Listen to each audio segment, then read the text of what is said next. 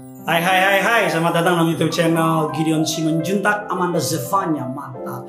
Gideon Zevanya Amanda Simanjuntak. Benar Amanda Simanjuntak karena memang udah jadi istri saya ya. Siap. saya berdoa agar renungan singkat ini menjadi satu hal yang saudara nanti nantikan. Saya berdoa agar firman Tuhan menjadi yang pertama saudara cari ketika engkau membuka mata di pagi hari. Mari sama-sama kita tundukkan kepala, kita bersatu dalam doa. Tuhan Yesus terima kasih untuk kebaikanmu dalam hidup kami. Kami mau siapkan hati kami diberkati oleh kebenaran firman Tuhan.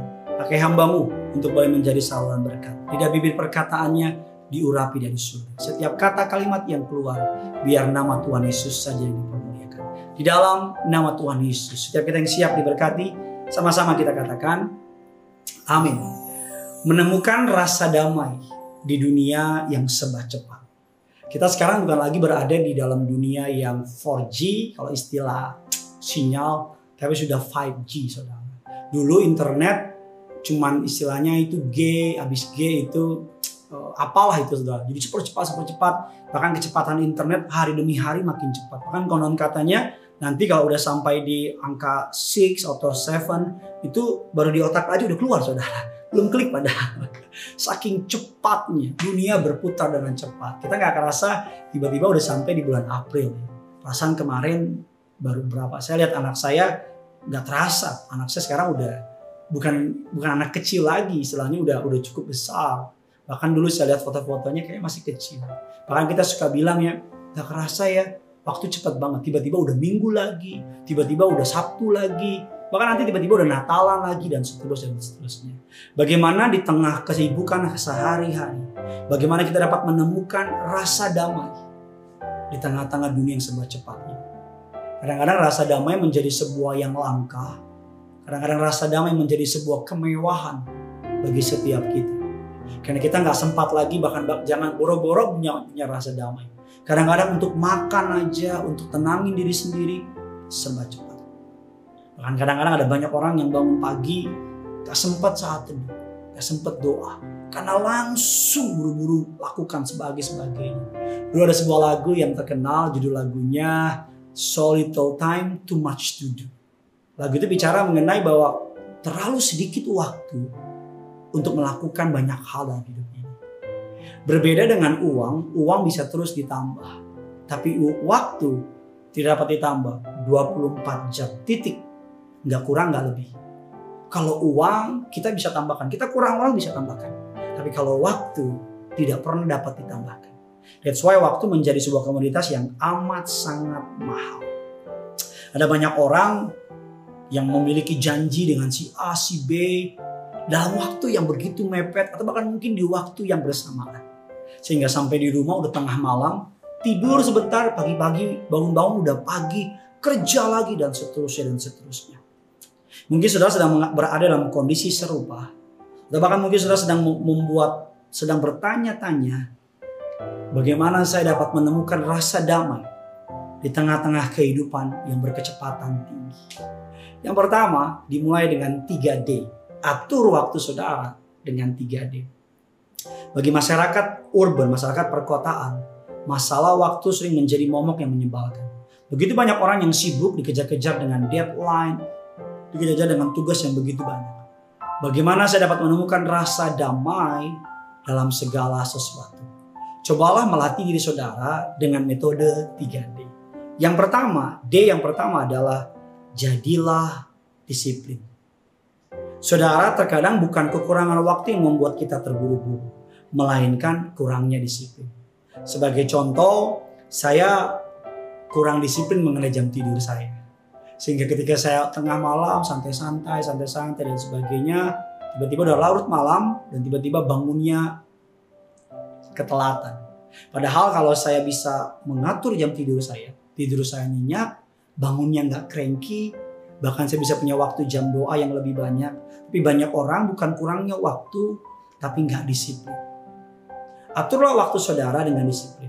Ada banyak orang yang kalau ketemu orang terlambat Selalu menyalahkan kemacetan kota Jakarta. Aduh maaf ya, macet-macet dari zaman dinosaurus juga orang tahu. Memang macet saudara. Tapi sebenarnya isunya bukan macet, tapi karena nggak bisa ngatur waktunya, nggak bisa disiplin dengan waktunya, disiplin dengan waktu Anda. Jika Anda sudah menetapkan sebuah jam, sebuah janji, lakukan. Karena ketika orang berjanji jam 5 dan orang lain datang jam 5 dan saudara nggak datang jam 5, saudara sedang mengambil waktu orang tersebut. That's why firman Allah mengatakan dalam Yesus 5, ayat yang ke-15, 16 mengatakan demikian. Karena itu perhatikanlah dengan sesama. Bagaimana kamu hidup? Janganlah seperti orang bebal, tetapi seperti orang arif. Pergunakanlah waktu yang ada. Karena hari-hari ini adalah jahat. Ada banyak orang menyalahkan pandemi COVID-19. Mereka bilang nggak bisa ke mana-mana. Aduh sebel banget deh pekerjaan terhalang dan sebagainya. sebagainya. Itu kebenaran yang secara kasat mata, secara sesaat benar. Tapi banyak orang di tengah pandemi justru banyak melakukan hal-hal yang produktif. Bahkan beberapa dari mereka berkata lebih produktif. Ada orang yang menyelesaikan studi kuliahnya di tengah pandemi. Ada orang yang punya bisnis baru tengah pandemi. Bahkan ada banyak orang di tengah pandemi dia nggak menyerah karena nggak bisa keluar rumah. Dia berolahraga membentuk kesehatannya. So the choice is in your hand. Saudara mau menyalahkan pekerjaan yang begitu banyak, waktu yang kurang atau saudara mau mulai disiplin dengan waktu saudara. D yang kedua yang menjadi momok bagi banyak orang, terutama anak muda adalah distraction. Sedikit atau banyak distraction atau pengalian perhatian akan memperlambat kerja kita. Salah satu yang paling mengganggu kita, distraction yang paling ultimate adalah media sosial. Sosial media. Lagi mau kerja, ah sebentar ah, lihat Facebook dulu 10 menit aja. Habis Facebook ah sebentar ah, lihat Instagram. Habis sebentar, eh sebentar ah, lihat TikTok eh lihat YouTube channel. Kalau untuk lihat YouTube channel untuk lihat kerinduanku itu mantap. Itu tidak membuang waktu. Tapi yang repot adalah ketika ah sebentar ah sebentar ah. Gara-gara keasikan sama sosial media tanpa sadar 15 menit 30 menit satu jam and all of sudden tiba-tiba udah dua jam dan tiba-tiba nggak buat apa-apa. Saya kalau nyiapin khotbah istri saya kadang-kadang bingung kalau lama banget sih di kamar? Bisa 5-6 jam. Kadang-kadang jujur sama saudara 5-6 jam kadang-kadang satu jamnya kebanyakan lihat TikTok, Instagram dan sebagainya. Jadi saya mulai belajar pokoknya beresin. Bahkan kadang-kadang saya mematikan internetnya, mematikan HP-nya, fokus dengan konkordasi buka Alkitab dan sebagainya. Hari ini saudara, mari coba saudara contoh bayangkan kalau saudara ingin pergi ke sebuah titik, ke sebuah kota, waktu perjalanan harusnya cuma dua jam. Tapi karena dikit-dikit berhenti makan. Dikit-dikit berhenti. Pokoknya ada aja putar sana putar sini. Nggak nyampe-nyampe. Tahukah saudara bangsa Israel harusnya dari tanah Mesir ke tanah perjanjian. Beberapa orang mengatakan paling lama 10 hari. Bahkan beberapa mengatakan paling cepat bisa 5 sampai dengan 4 hari. Ya kita semua tahu berapa lama mereka menyampai tanah perjanjian? 40 tahun. Karena kenapa? Too many distraction. Mereka terlalu banyak diganggu dengan sebagainya. Mari kenali distraction apa. Kenali pengahlian apa yang mengganggu saudara. Kalau saudara sedang mengerjakan, ada banyak orang skripsi kuliahnya, wow, sampai dua semester nggak beres-beres.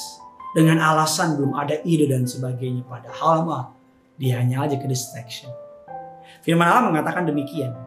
Kami katakan ini karena kami dengar bahwa ada orang yang tidak tertib dengan hidupnya dan tidak bekerja, melainkan sibuk dengan hal-hal yang tidak berguna. Wow, rasa-rasanya Paulus sudah melihat masa depan. Dia tahu ada banyak orang yang gabut, saudara, dengan sibuk sama sosial media. Berbeda, saudara, bedakan bekerja keras atau so sibuk dengan produktivitas. Ada banyak orang kerjanya so sibuk tapi nggak ada hasilnya. Tapi ada banyak orang yang kerjanya terukur, teruji, rapi dan sebagainya. Saya percaya kalau kita dapat mengalihkan distraction kita. Apa pengalihan saudara? Mungkin uh, sosial media, mungkin mainan atau apa pun itu. D yang terakhir adalah delegasikan pekerjaan. Beban pekerjaan akan berkurang dengan besar ketika kita berperan untuk mulai mempercayakan orang lain melakukannya. Sebagai contoh dalam rumah tangga, saya membagi kerjasama dengan istri saya, dengan saya, dengan orang di rumah. Nggak semua pekerjaan di rumah dilakukan oleh pembantu saya. Mendelegasikan pekerjaan adalah sebuah langkah yang bijak dan akan menimbulkan damai dalam rumah tangga dalam kehidupan kita. Ada kalanya istri saya sibuk dengan pekerjaannya, saya urus anak saya. Begitu juga sebaliknya. Ketika saya menyiapkan khotbah, anak saya diurus oleh istri saya. Saya teringat ketika suatu hari Musa menghakimi seluruh bangsa Israel. Setiap orang yang punya masalah datang sama Musa, datang sama Musa. Orang tuanya dari Miriam atau orang tuanya dari uh, istrinya uh, Musa, namanya Yitro, saudara. Uh, Miriam itu tadi kakaknya Musa. Yitro datang sama Musa dan berkata, apa yang kamu lakukan? Kata Yitro. Apa yang kamu lakukan ini tidak baik, gak bagus. Harusnya buatlah orang 100, 50, 10, 1000, dan 10 ribu. Yitro sedang mengajar kepada Musa untuk mendelegasikan tugas. Jadi orang-orang yang yang satu kepala 10 orang, 10 orang itu datang sama dia. Kalau 10 orang ini nggak bisa menyelesaikan, datang sama kepala 100. Kepala 100 nggak bisa menyelesaikan, datang sama kepala 1000. Kepala seribu nggak bisa kan? Begitu seterusnya. Kalau udah terlalu nggak bisa menyelesaikan, baru mereka bisa sampai ke Musa. Dari ayat yang kita baca tadi, kita memahami. Kita memahami bahwa Musa kecapean, kelelahan, bukan karena kurangnya waktu. Tapi karena Musa tidak mendelegasikan tugasnya. Ketika Musa mendelegasikan tugasnya, maka saudara akan mengerti bahwa Musa ternyata oh ada banyak waktu dan sebagainya. Dan yang terakhir, Bagaimana supaya saya bisa mengalami damai di tengah-tengah dunia yang serba cepat. Yang terakhir adalah doa. Doa. Saat teduh dan doa. Kita mengatakan setiap hari pastikan saudara menyediakan waktu untuk Tuhan. Menyediakan waktu untuk datang dan diam di hadapannya. Nikmati pribadi bersama dengan pribadi yang paling mengasihi saudara. Lupakan sejenak pekerjaan, lupakan sejenak masalah biarkan jiwa Anda bercakap-cakap dengan penciptanya. Alkitab mengatakan, seperti rusa yang merindukan sungai yang berair, demikianlah jiwaku merindukan engkau ya Tuhan. Jiwaku mengharapkan Tuhan lebih daripada pengawal mengharapkan pagi. Lebih daripada pengawal mengharapkan pagi. Kita sudah belajar bagaimana menemukan rasa damai di tengah dunia yang serba cepat itu. 3D plus 1D. Jadilah disiplin. Distraction, buang distraction. Yang ketiga, delegasikan pekerjaan saudara. D, bonus tracknya doa dan saat itu. Tulis kolom komentar di bawah bagaimana saudara hari-hari ini mengalami kesibukan dan bagaimana saudara bisa menemukan damai. Tulis kolom komentar di bawah bagaimana saudara memahami disiplin, distraction. Mungkin ya Pak bener banget saya punya kerjaan tapi sibuk sama sosial media nggak habis-habis Pak. Atau iya Pak bener Pak ternyata bukan waktunya kurang. Ternyata karena saya nggak punya hubungan sama Tuhan. Bagikan kabar baik ini sebanyak mungkin agar bukan hanya saudara yang diberkati, tapi banyak orang diberkati, nama Tuhan dipermuliakan. Bersama-sama kita datang sama Tuhan. Haleluya.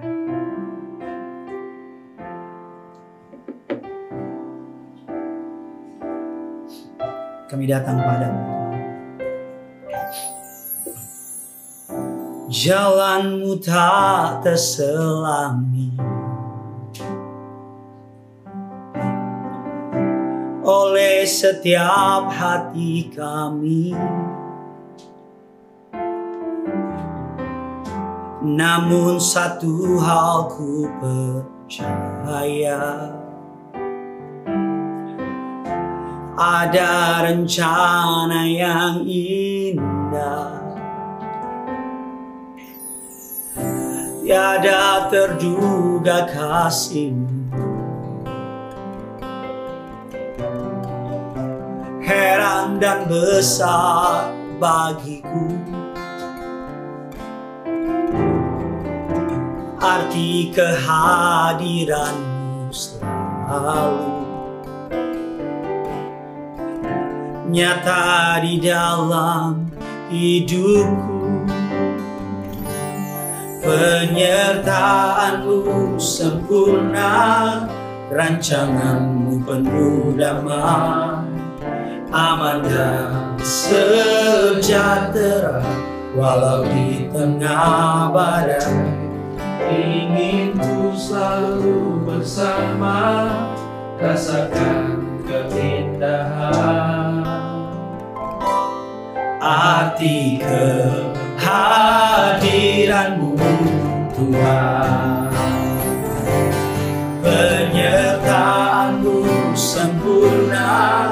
Rancangan penuh damai taman dan sejahtera.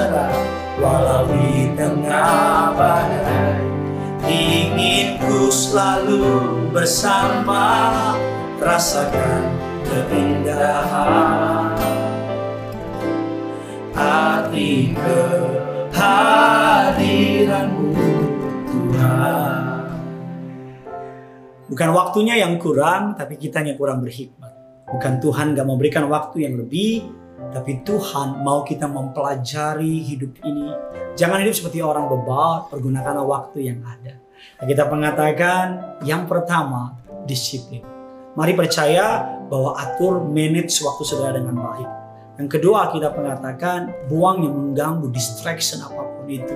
Yang ketiga adalah mendelegasikan pekerjaan. Dan yang terakhir dimulai dengan doa. Ketika kita berdoa, Tuhan akan memberikan kita hikmah. Kita akan lebih tajam dan kita akan tahu harus berbuat apa. Saya berdoa agar firman Tuhan ini menjadi jawaban untuk saudara yang sedang kebingungan mengenai waktu yang begitu sedikit, pekerjaan yang begitu banyak. Karena yang punya surga, crazy love itu. Bye-bye.